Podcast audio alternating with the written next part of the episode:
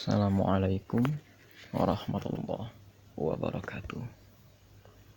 Innal hamdalillah nahmaduhu wa nasta'inuhu wa nastaghfiruh. Wa na'udzu billahi min syururi anfusina wa min sayyiati a'malina. May yahdihillahu fala mudhillalah wa may yudlil fala hadiyalah. Asyhadu an la ilaha illallah وأشهد أن محمدا عبده ورسوله لا نبي بعده اللهم صل على سيدنا محمد وعلى آل سيدنا محمد كما صليت على سيدنا إبراهيم وعلى آل سيدنا إبراهيم. إنك حميد مجيد. ربي اشرح لي صدري ويسر لي أمري واحلل عقدة من لساني yafqahu qawli. Rekan-rekan sekalian, pada kesempatan kali ini kita akan lanjutkan episode reguler dari podcast Ngaji Budaya.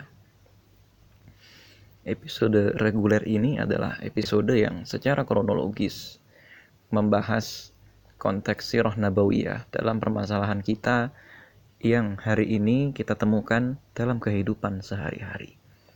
Jadi penekanannya bukan kepada riwayat, bukan juga penekanannya kepada uh, terlalu kronologis sehingga sirah ini menjadi sulit diaplikasikan dalam kehidupan kita sehari-hari. Salah satu uh, hal yang menarik yang terjadi dalam sirah nabawiyah setelah terjadinya perang Bani Nadir pada tahun keempat. Jadi ternyata setelah perang Bani Nadir atau bertepatan pada saat perang Bani Nadir ya, dikatakan oleh berbagai ulama ahli sirah ternyata terjadi pengharaman khamr secara jelas di mana pengharaman khamr ini ditetapkan oleh Allah Subhanahu wa taala melalui turunnya surat Al-Maidah. Ketika Allah Subhanahu wa taala menurunkan surat Al-Maidah, rupanya di sana menurut sebagian ulama terjadilah perang Bani Nadir. Jadi artinya kondisinya saat itu uh, baru saja terjadi beberapa peristiwa perang besar. Di antaranya pada saat itu ini masih dalam rentetan peristiwa perang Uhud. Dan kemudian juga terjadinya tragedi di Ar-Raji dan Bi'ru Ma'unah dan kemudian perang Bani Nadir. Jadi perlahan-lahan seiring dengan solidaritas, seiring dengan loyalitas dan juga seiring dengan pemahaman agama para sahabat Rasulullah Shallallahu Alaihi Wasallam. Maka Allah Subhanahu Wa Taala perlahan-lahan menerapkan syariatnya melalui Rasulullah Shallallahu Alaihi Wasallam. Syariat ini tidak turun langsung sebagaimana barangkali yang ada dalam umat-umat sebelumnya akan tetapi syariat ini turun perlahan-lahan. Agar apa? Salah satunya memang agar hati kita lebih tenang, lebih tetap dan lebih eh, tegar ketika menjalankan syariat itu karena mengerti konteksnya, mengerti bagaimana manfaatnya dan mengerti bagaimana dampaknya bagi kehidupan kita. Salah satu sebab diharamkannya khamr secara hikmah menurut berbagai ulama jelas karena khamr itu menutupi akal dan Islam sangat menghargai akal merdeka. Islam sangat menghargai akal manusia yang tidak e, tertutupi dengan apa pun, yang tidak terhalangi oleh apa pun ketika sedang berpikir. Maka sebagai antinya, Islam juga membenci segala sesuatu yang bisa menutupi akal pikiran kita.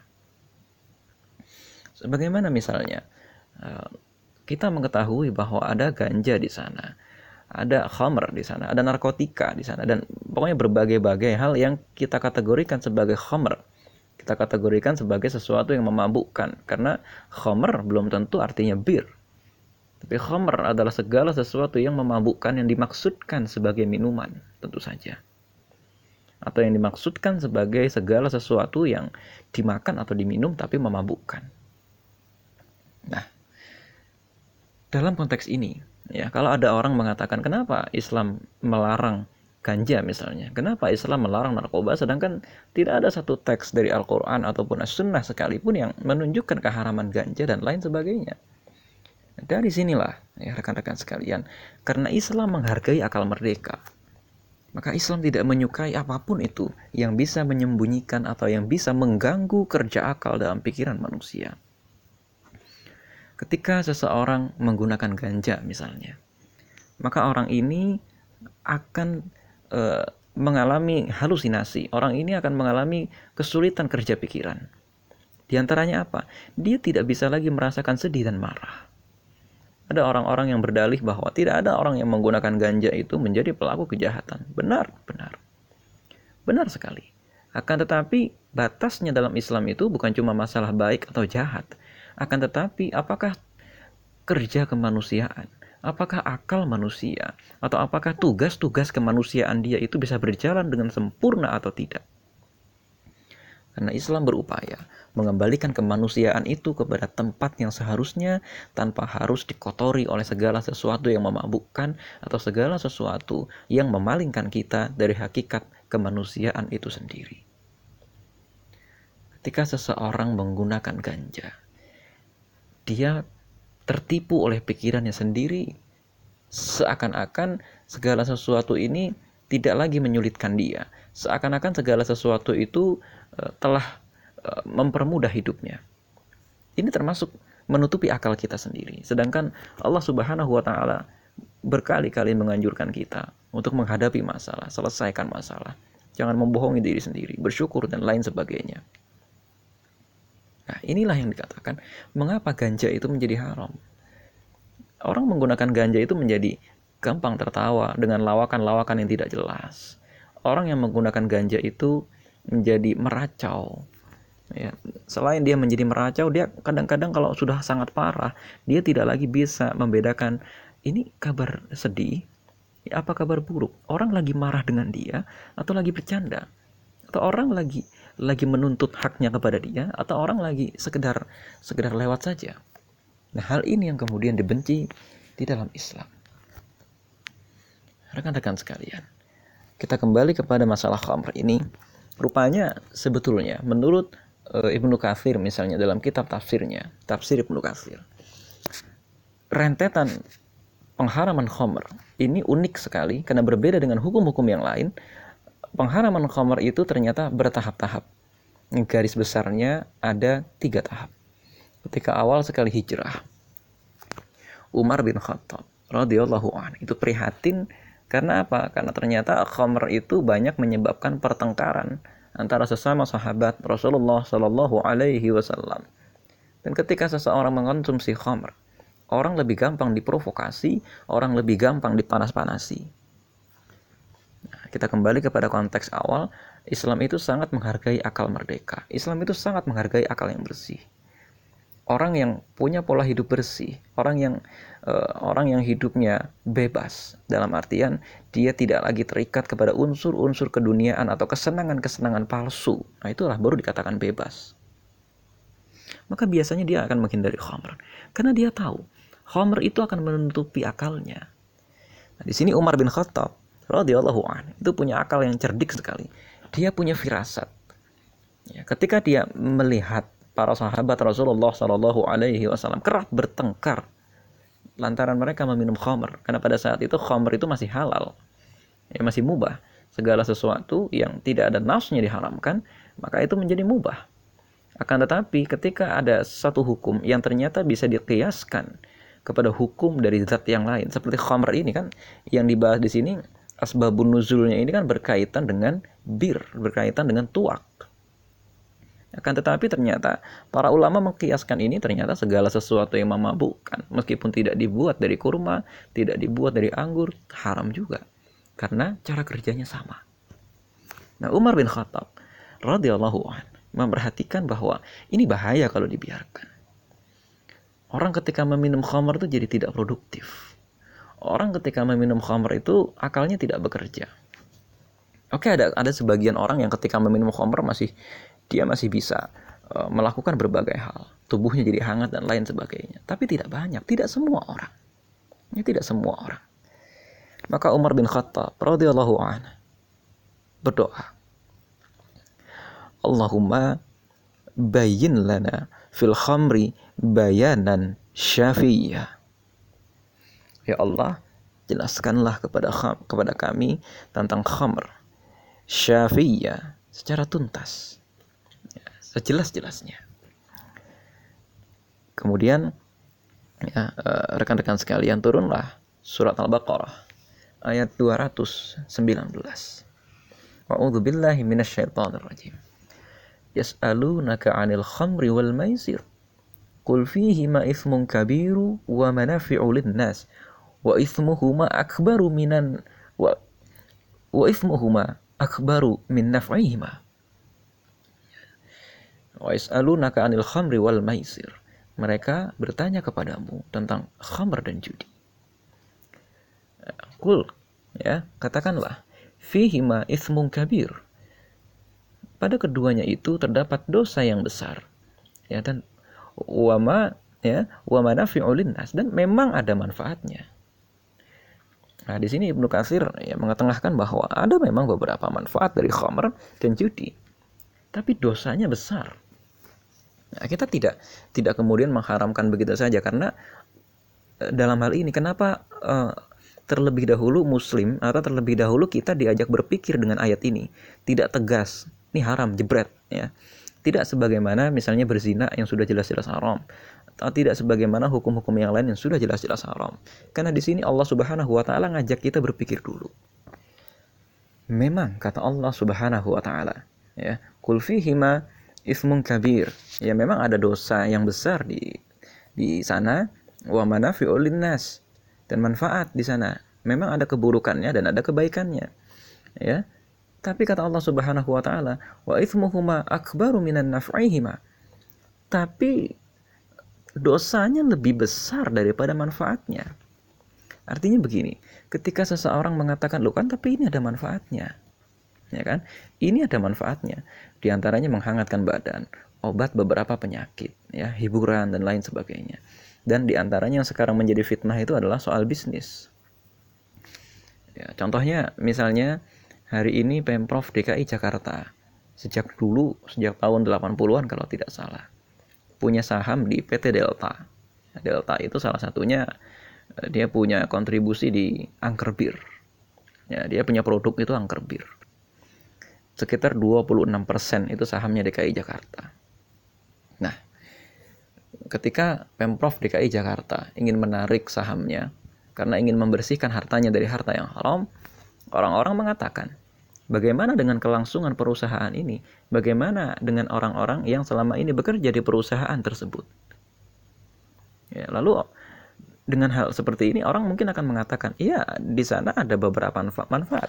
Ibnu Katsir sendiri mengatakan memang dalam e, manfaat yang dimaksud oleh Allah Subhanahu wa taala di antaranya memang e, rantai perdagangan khamr itu punya manfaat. Memang ya. Akan tetapi kata Allah Subhanahu wa taala, dosa dan manfaat adalah dua hal yang berbeda. Ya. Ada ism, ada ada dosa yang besar sekali di sana dan Allah Subhanahu wa taala menegaskan terlebih dahulu ya. Di sana kul fihima ismun kabir, di sana terdapat dosa yang besar. Sebelum Allah Subhanahu wa taala mengatakan di sana ada manfaat.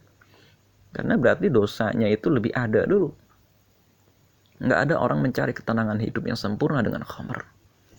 Nggak ada orang yang mau menghadap pimpinan minum khamr dulu. Nggak ada orang yang mau sholat minum khamr dulu. Nggak ada orang yang mau melakukan sesuatu yang mulia tapi dia minum khamr dulu. Karena semua orang sebenarnya tahu ini ini nggak bagus minuman ini karena menutupi akal. Ya karena ini semua menutupi akal. Nah ini yang menjadi uh, persoalan ya teman-teman sekalian. Tapi ya, ternyata di sini para sahabat Rasulullah Shallallahu Alaihi Wasallam yang tentu saja mereka memahami fikih, mereka memahami uh, uh, gaya bahasa Al-Quran. Mereka mengatakan begini, ini kan belum jelas nih larangannya, ya. Uh, Allah hanya mengatakan ada dosa yang besar, tapi Allah juga mengatakan uh, di sana itu ada manfaat bagi manusia. Berarti ini belum dilarang nih oleh Allah Subhanahu Wa Taala. Nah, Sampai di sini orang pada saat itu tetap melanjutkan minum khamr. Ya sampai kemudian ada peristiwa perang Uhud dan lain sebagainya, mereka tetap masih meminum khamr. Jadi pada saat itu khamr tidak dianggap sebagai uh, simbol kejahatan, akan tetapi khamr pada saat itu hanya dianggap sebagai minuman yang kurang baik saja. ya mungkin mungkin gitu ya mungkin analoginya kalau kita lihat pada saat ini sebagai rokok kita lihat rokok tidak dianggap sebagai lambang kejahatan hanya saja semua orang sepakat ya anak kecil ibu hamil dan lain sebagainya jangan merokok dan ada beberapa tempat yang jangan merokok ya. kemudian ternyata terjadi satu peristiwa yang yang menjadi presiden ya presiden itu maksudnya yang menjadi uh, uh, kasus Kasusnya apa? Suatu hari ada orang sholat, ya. Sekelompok sahabat Rasulullah Shallallahu Alaihi Wasallam itu sholat. Jadi di di Madinah pada saat itu masjid utamanya memang ada masjid Nabawi. Tapi karena sudah banyak orang yang masuk Islam dan kota Madinah itu cukup luas, maka ada musola-musola kecil yang di sana para sahabat Rasulullah yang rumahnya jauh dari masjid besar, dari masjidnya Rasulullah, sholat di sana. Ternyata pada saat itu kasusnya adalah ini sahabat Rasulullah ini uh, membaca surat Al-Kafirun tapi salah. Uh, ketika sampai di surat Al-Kafirun yang la a'budu ma ta'budun ya, ternyata sahabat ini membaca ma a'budu ma ta'budun ya. Jadi aku menyembah apa yang kamu sembah padahal aslinya adalah dan aku tidak menyembah. Ya aku tidak menyembah apa yang kamu sembah. Hebohlah orang-orang karena pada saat itu khamr belum haram ya maka Allah Subhanahu wa taala ya ketika hal ini disampaikan kepada Rasulullah Shallallahu alaihi wasallam Allah Subhanahu wa taala menjawab melalui surat An-Nisa ya. Melalui surat An-Nisa ayat 43 Ya ayyuhalladzina amanu la taqrabus salat wa antum sukara. Ya. Hatta ta'lamu ma taqulu nawala junuban dan seterusnya. Jadi rekan-rekan sekalian, artinya begini. Wahai orang-orang yang beriman, la taqrabus salat, ya. Wa antum sukara dan jangan janganlah kamu salat sedangkan kamu dalam keadaan mabuk. Ya, sehingga kamu mengerti apa yang kamu ucapkan. Nah, ini titik tekannya, ya. Hatta ta'lamu ma ta'lamu ma taqulun. Hatta ta'lamu ma taqulun. Jadi uh, jangan sampai kita dalam saat itu ya larangannya jangan kita sholat nah kecuali kita sudah mengerti apa yang kita katakan karena itu takutnya kita e, contohnya ya kalau ibnu Katsir jangan-jangan nanti kita nggak ngerti apa yang kita ucapkan misalnya maksudnya istighfar tapi ternyata kita mencaci diri kita sendiri nah kemudian para sahabat saat itu mengerti oke okay, kalau begitu saya tidak akan sholat gitu ya kecuali saya dalam keadaan yang segar dan saya tidak akan mabuk kalau dekat-dekat waktu sholat. Contohnya bagaimana? Ya, antara waktu zuhur dengan dengan apa antara waktu subuh dengan zuhur itu kan masih panjang waktunya. Nah, bisalah itu dia mabuk. Antara waktu isya sampai dengan waktu subuh ini ada waktu yang panjang. Nah, bisalah dia tidak mabuk. Ya, kan tentu kadar kekuatan orang ketika sholat berbeda-beda dan kadar orang ketika mencari hiburan pun juga berbeda-beda. Tidak semua sahabat Rasulullah Shallallahu Alaihi Wasallam punya kebiasaan salat sepanjang malam. Tidak semua. Amalannya beragam. Tapi amalan mereka itu kontinu dan ketika mereka e, diturunkan satu ayat yang tegas melarang, mereka akan meninggalkan. Nah, mereka ngakalin pada saat itu, ya. Nah, mereka ngakalin gitu ya, terus kemudian e, apa namanya? E, mereka itu masih mabuk-mabukan, tapi ketika menghindari waktu sholat, atau ketika mendekati waktu sholat, mereka tidak lagi mabuk. Nah, ada satu apa satu peristiwa di sini. Ya, peristiwanya apa? Nah, suatu hari ya ada orang-orang Ansor gitu ya dan orang-orang Muhajirin uh, di kota Madinah itu mengadakan pesta. Nah, orang Ansor ini ceritanya si orang Ansor ini, Ansor ini kan berarti penduduk asli Madinah yang sudah muslim mengajak semua orang saat itu datang ke rumahnya. Ya, biasalah kongko yuk ngumpul-ngumpul. Ah, ngumpul. Disediakanlah kamar di sana karena itu masih halal saat itu. Masih mubah pada saat itu. Nah, kemudian e, mereka itu ceritanya mengucapkan berbagai perkataan yang membangga-banggakan e, dirinya. Cerita-cerita masa lalunya gitu loh. Ah, kemudian ketika diceritakan, wah dulu kaum kami ini begini begini begini begini dan lain sebagainya. Rupanya dalam keadaan mabuk itu ada orang Ansor yang marah. Nah, akhirnya orang Ansor yang marah ini ya uh, menusuk ya menusuk hidung salah seorang di antara mereka dengan tulang unta, dengan rahang unta. akhirnya hidungnya itu bolong lah gitu ya. Apa namanya hidungnya itu cacat karena hidungnya itu ditusuk dengan rahang onta ya maka ya dari sini ya uh, rekan-rekan sekalian maka Allah Subhanahu wa taala kemudian menurunkan uh, perintah pengharaman khamr. Nah, lantas ya rekan-rekan sekalian uh, selain itu para sahabat Rasulullah Shallallahu alaihi wasallam ternyata juga masih bisa mencari celah ya karena kan tentu tidak semua orang melaksanakan sholat malam, mereka masih mabuk-mabukan. Intinya beberapa kali terjadi insiden, cuma ada satu insiden yang besar nih sampai mengakibatkan orang bertengkar. Nah, maka kemudian Allah Subhanahu wa taala menurunkan ayat yang lebih tegas lagi untuk mengharamkan khamr. Ya, ayat yang tegas uh, ketika mengharamkan khamr itu ya teman-teman sekalian ada di surat Al-Maidah ayat 91. Nah, di surat Al-Maidah ayat 91 ini Allah menjelaskan semuanya. A'udzu billahi minasyaitonir rajim. Ya ayyuhalladzina amanu innamal khamru wal maisiru wal ansabu wal azlamu rijsum min amali syaitani fajtanibuhu la'allakum tuflihun. Hai orang-orang yang beriman. Ya, innamal khamr, ya, sesungguhnya khamr, ya, maisir, judi. Ya, mengundi nasib dengan panah ansop ya ansop adalah perbuatan keji. Uh, apa uh, ansop itu berkurban untuk berhala dan azlam. Ya azlam itu artinya mengundi nasib dengan panah. Adalah perbuatan keji dan termasuk perbuatan setan maka jauhilah perbuatan-perbuatan itu agar kamu mendapat keberuntungan tapi yang menarik ya Allah Subhanahu wa taala ini kan tadi ayat 90-nya sekarang ayat 91-nya ya ayat 91 bunyinya begini. Innama yuridu syaitanu ayyuqi'a bainakum ya ayyuqi'a bainakum al-adawah. Ya. jadi sesungguhnya setan itu kata Allah Subhanahu wa taala bermaksud hendak menimbulkan al-adawah permusuhan gitu loh ya. Dan kebencian ya wal baghdha ya al adawah wal baghdha permusuhan dan kebencian jadi ternyata kalau seseorang sudah minum khamr seseorang itu ternyata mudah sekali dihembus kebenciannya, mudah sekali dihembus uh, uh, uh, permusuhannya, mudah sekali dihembus hal-hal uh, yang kemudian bisa menyebabkan pertengkaran.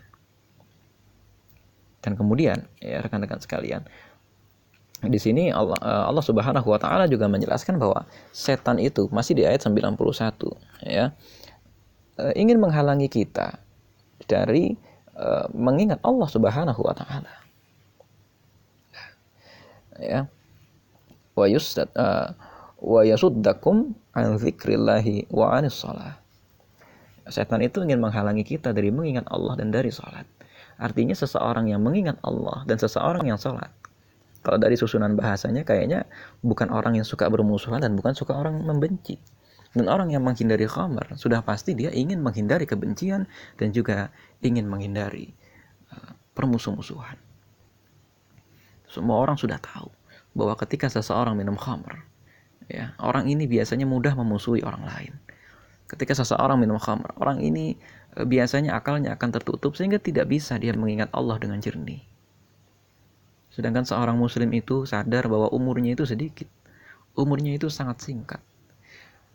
Betapa singkatnya umur manusia pada saat dia akalnya tertutup dan tidak bisa mengingat Allah Subhanahu wa taala.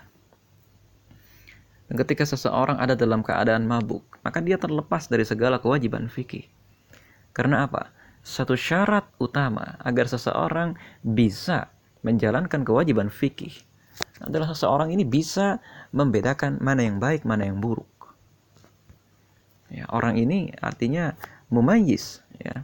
Salah satu di antara syarat seseorang bisa menjalankan agama Islam, bisa menjalankan syariat Islam. Dia orangnya dalam keadaan sehat pikirannya, bukan orang yang ada dalam keadaan majnun ya dalam kondisi genetik atau juga bukan orang yang ada dalam keadaan majnun atau sukaro ya gara-gara apa? Gara-gara dia mabuk atau di bawah pengaruh obat-obatan atau dia sedang terkena satu penyakit sehingga menyebabkan dia tidak sadarkan diri. Ada nggak penyakit yang menyebabkan seseorang kehilangan akal? Ada. Contohnya apa? Contohnya orang ini mengalami pusing yang teramat sangat itu orang pasti hilang akal. Atau ketika seseorang kelelahan. Ya, maka beberapa ulama ya menyitir eh, perkataan Rasulullah Shallallahu Alaihi Wasallam. Ya, ketika seseorang itu ngantuk, atau ketika seseorang itu sangat lelah, atau ketika seseorang sedang sakit yang tidak memungkinkan dia untuk melakukan ibadah dengan benar, atau tidak memungkinkan dia untuk mengerti apa yang dia ucapkan ketika dia beribadah, tunda dulu, tunda dulu. Jadi, rekan-rekan sekalian, kalau kita perhatikan pola pelarangan khamr ini, Allah Subhanahu wa taala berusaha mengajak hambanya berbicara. Ini loh. Ketika seseorang menganut ajaran agama Islam, ketika seseorang menjalankan agama Islam, Islam itu sangat menghargai akal yang bersih. Islam itu sangat menghargai seseorang yang berbicara dengan kesadarannya. Islam itu sangat menghargai seseorang yang akalnya jernih. Bahkan seseorang dalam agama Islam itu tidak boleh beribadah ketika akalnya sedang tertutup. Ya, maka satu-satunya ya satu-satunya alasan kenapa Allah Subhanahu wa taala atau bukan satu-satunya mungkin barangkali hal utama ya. Hal utama kenapa Allah mengharamkan khamr adalah dia itu menutupi akal sehingga dari situ setan itu bisa masuk untuk menyusupkan permusuhan dan menyusupkan kebencian di antara kita semua. Jadi ya rekan-rekan sekalian, kembali di sini setan ini bukan cuma dalam artian gaib, tapi karena setan itu juga bisa berwujud manusia dan jin. Nah, kalau setan berwujud jin, oke. Okay. Tapi kalau setan ini berwujud manusia, ya enggak. Kadang-kadang kita lihat ada orang mabuk, ya misalnya ada enam orang, tiga orang mabuk, tiga orang tidak. Kadang-kadang yang tiga orang tidak mabuk ini mempermainkan seseorang yang mabuk ini. Biar apa? Kemudian terjadi pertarungan, kemudian terjadi perkelahian. Kita lihat rata-rata kelompok-kelompok begal, ya kelompok-kelompok anak-anak nongkrong yang jahat. Tentu tidak semua anak nongkrong itu jahat. Ya, atau kelompok geng motor yang tentu tidak semua geng motor itu jahat. Ya, eh, ada juga geng motor yang rasa solidaritas sosialnya tinggi. Akan tetapi rata-rata kelompok orang yang melakukan kejahatan di jalan raya, perusuhan di masjid, atau orang-orang yang melakukan penipuan dan tindakan premanisme di pasar biasanya ada dalam pengaruh minuman keras ya, di negara-negara uh, besar yang bukan negara Islam seperti di negara-negara Uni Eropa di Amerika Serikat di Australia larangan kepada khamr sangat tegas. Kalau di Indonesia itu razia ya, razia di jalan-jalan itu razia SIM STNK helm dan lain sebagainya maka di sana ada razia yang menggunakan detektor alkohol Nah, razia detektor alkohol ini fungsinya buat apa? Mengurangi angka kecelakaan lalu lintas dan mengurangi angka kriminalitas di jalan. Nah, jadi ini berbeda dengan tuduhan eh, orang-orang uh, liberal ya atau tuduhan orang-orang lain yang bahwa ketika syariat Islam itu diterapkan, kriminalitas nggak ada jaminan akan turun. Ini adalah satu syariat yang indah sekali bahwa pelarangan khamr ini bermakna untuk menciptakan masyarakat yang bermoral dan tertib. Seseorang yang ada dalam atau di bawah pengaruh minuman keras, di bawah pengaruh narkoba, sudah pasti pendapatnya tidak akan jernih. Ya. Andai pun kesehariannya pendapatnya jernih, sudah pasti ketika dia di bawah pengaruh narkoba itu tidak akan jernih pendapatnya. Dan agama Islam, rekan-rekan sekalian, sangat menghargai seseorang yang akalnya jernih. Sehingga hanya orang-orang yang berakal jernih inilah, orang-orang yang punya nalar pikir inilah, yang bisa menjalankan syariat Islam dengan sempurna. Allah alam Kira-kira itu yang bisa saya sampaikan. Ya. Dan kembali untuk mengingat ini turunnya syariat khamr ini kira-kira di tahun keempat hijrah. Artinya sekitar 17 tahun setelah wahyu pertama diturunkan. Setelah 17 tahun orang-orang memeluk Islam, barulah ini khamr ini diturunkan keharamannya. Artinya secara retorika dakwah atau secara tata cara dakwah. Berarti pelarangan khamar ini bukan seruan pertama dalam Islam. Ya, bahkan dalam surat uh, Al-Ma'arij atau surat Al-Mu'minun yang turun di awal-awal dulu yang menceritakan ciri-ciri orang mukmin tidak sama sekali membahas masalah khamar. Tapi yang dibahas apa? Di surat Al-Mu'minun maupun di surat Al-Ma'arij yang, yang turunnya selangnya hampir 10 tahun ya atau selangnya mungkin hampir lebih dari 15 tahun sebelum pelarangan khamar ini ternyata ciri-ciri orang yang mukmin itu selain ya satu menyembah Allah, dua salat, terus yang ketiga menaati perintah-perintah Allah. Ternyata ciri-cirinya kebanyakan ciri-ciri sosial. Ciri-ciri sosialnya apa? Dia memberi makan orang miskin. Dia menjaga hak anak yatim. Dia menolong orang. Dia menjauhi zina. Ya, allazinahum li furujihim yuhafizun.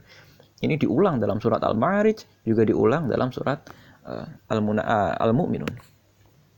Artinya nanti orang bisa mengatakan, ya nggak apa-apalah gue mabuk apa segala macam. Yang penting gue sedekah apa segala macam. Nah, untuk menghadapi hal ini, ya rekan-rekan sekalian, maka yang harus diperbaiki adalah keimanannya dulu kepada Allah Subhanahu wa taala dan cara kita memberitahu kepada dia itu bukan khomernya dulu utamanya. Kan tetapi pemahaman dia kepada keindahan syariat Islam. Ya memang orang mabuk juga masih bisa masih bisa berbuat baik dalam artian dia masih bisa sedekah, dia masih bisa merawat anak yatim dan lain sebagainya. Tapi dalam konteks ini, ketika dia sudah mengerti Allah itu bagaimana, tujuan Islam itu apa, untuk membebaskan orang dari apa, ya. Dan ini juga senada dalam surat uh, An-Nahl ayat 90. Innallaha ya'murukum bil adli wal ihsan wa ita'idzil qurba wa yanhauna 'anil fahsya'i wal munkar wal bagh Nah, di sini Allah Subhanahu wa taala juga mengatakan salah satu uh, uh, hikmah dari pelarangan khamr ini adalah karena khamr itu menyebabkan al-baghyu. Al-baghyu itu adalah permusuhan. Sementara jauh sebelumnya ya, jauh sebelum ayat khamr ini diturunkan, Allah Subhanahu wa taala mengatakan salah satu tujuan Islam menghilangkan permusuhan di tengah-tengah manusia. Oke, orang bisa berbuat baik kepada orang miskin. Orang bisa berbuat baik kepada anak yatim. Akan tetapi, permusuhan yang dilakukan kepada seseorang tanpa sadar, karena akalnya tertutup khamr, itu hal yang lain. Dan inilah kesempurnaan syariat Islam. Jadi kalau ada orang mabuk, jangan mabuknya dulu yang kita singgung. Apanya dulu? Kepercayaan dia kepada Allah. Ya betapa Allah Subhanahu wa taala tidak menginginkan permusuhan di tengah-tengah manusia, Betapa Allah Subhanahu wa taala menjaga agar hambanya tidak mendekati sesuatu yang bisa menghilangkan akalnya. Betapa Allah Subhanahu wa taala menginginkan agar Allah Subhanahu wa taala tidak mendekati sesuatu yang bisa berpotensi uh, menciptakan kebencian-kebencian. Salah satunya adalah khamr. Ya, dan jangan dibalik logikanya. Oh, saya sudah tidak membenci siapa pun, saya sudah tidak uh, apa namanya? Saya sudah tidak berbuat permusuhan kepada siapa pun. Nah, nanti dalam surat An-Nisa Allah mengatakan, ya ngerti nggak kamu dengan apa yang kamu ucapkan itu? Dalam artian kita punya kesadaran nggak? Kita punya akal sehat nggak? Kalau khamr itu menutupi akal sehat kita, tinggalkan. Kira-kira itu ya rekan-rekan sekalian. Allah Assalamualaikum warahmatullahi wabarakatuh.